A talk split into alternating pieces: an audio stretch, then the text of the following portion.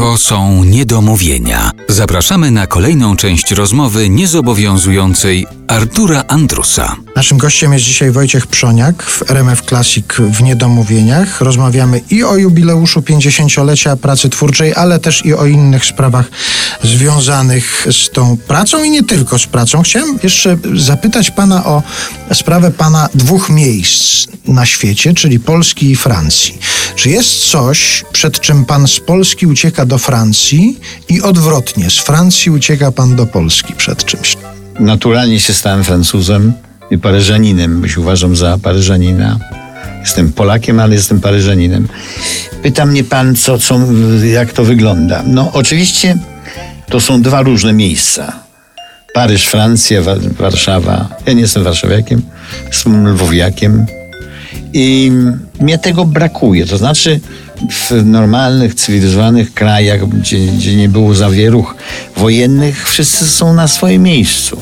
Tego mi brakuje i to, to odnajduję tam. A druga rzecz, która jest, nie wiem czy ważniejsza, ale nie, również niezwykle ważna, to jest to, że Francuzi kochają życie. Kochają wakacje, kochają dobre jedzenie, tam od przedszkola uczy się smaku. To się oczywiście odradza Polsce. Już może pan nawet w malutkich miasteczkach wspaniale zjeść, ale Polak nie chodzi codziennie do restauracji. Ja nie mówię codziennie, tylko w ogóle. Yy, I to nie jest dlatego, że jest biedny. To, jest, pewna, to jest pewna kultura. No. Ja to mam ten spokój, mam tę ciągłość, mam to, mam to w Francji, w Paryżu moim, e, gdzie mieszkam w kamienicy z 1900 roku. Proszę pana, gdzie są klamki e, oryginalne, gdzie wszystko jest takie, jakie było.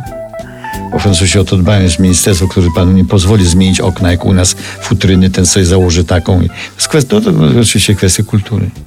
A my mamy z kolei rzecz, która mnie przeszkadza, że jak nie ma ofiary i nie ma wroga, to coś nie w porządku, że to jest jakieś, nie wiem czy to jest nasza historia, to nowe pokolenie, już młodzież może będzie inaczej, ci młodzi zupełnie będą inaczej patrzyli. Życie jest i tak trudne, są choroby, człowiek umiera i nie można o tym zapomnieć, cierpi, jest tyle rzeczy złych na świecie, ale jest też również wspaniałych, dużo wspaniałych rzeczy.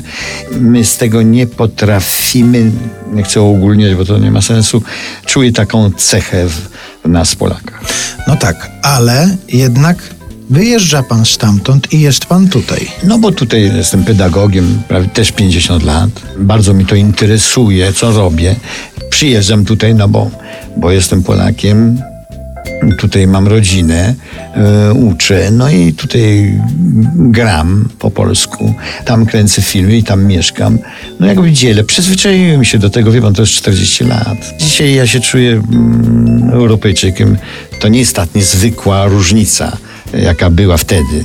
Ja woziłem, gotując różne dania, ja wymyślając, woziłem walizki różnych e, ingrediencji, e, też, żeby tutaj coś zrobić. Dzisiaj praktycznie biorąc w ogóle tego nie robię. A z tych rzeczy właśnie, z takich do gotowania, jest coś, co pan wozi z Polski do Paryża?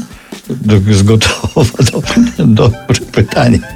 Proszę pana, raz zawiozłem bunca, ale tylko dlatego, że szkoda mi było go zostawić w lodówce. Czy wożę coś? Tak, wożę. Wódkę Baczyskiego. To jestem związany rodzinnie z Baczewskim, dlatego że mój dziadek był dyrektorem fabryki Baczewskiego w Lwowie i był głównym chemikiem Baczewskiego. I likiery to są likiery według przepisu mojego dziadka. I ja pamiętam te smaki, bo moja matka według tych przepisów robiła w Gliwicach te, te, te cytrówki i pamiętam ten zapach. Cytryna wtedy to, to było coś, zapach cytryny to było, e, to to wożę. To, albo ten likier dziadka, a tak to chyba, chyba nic.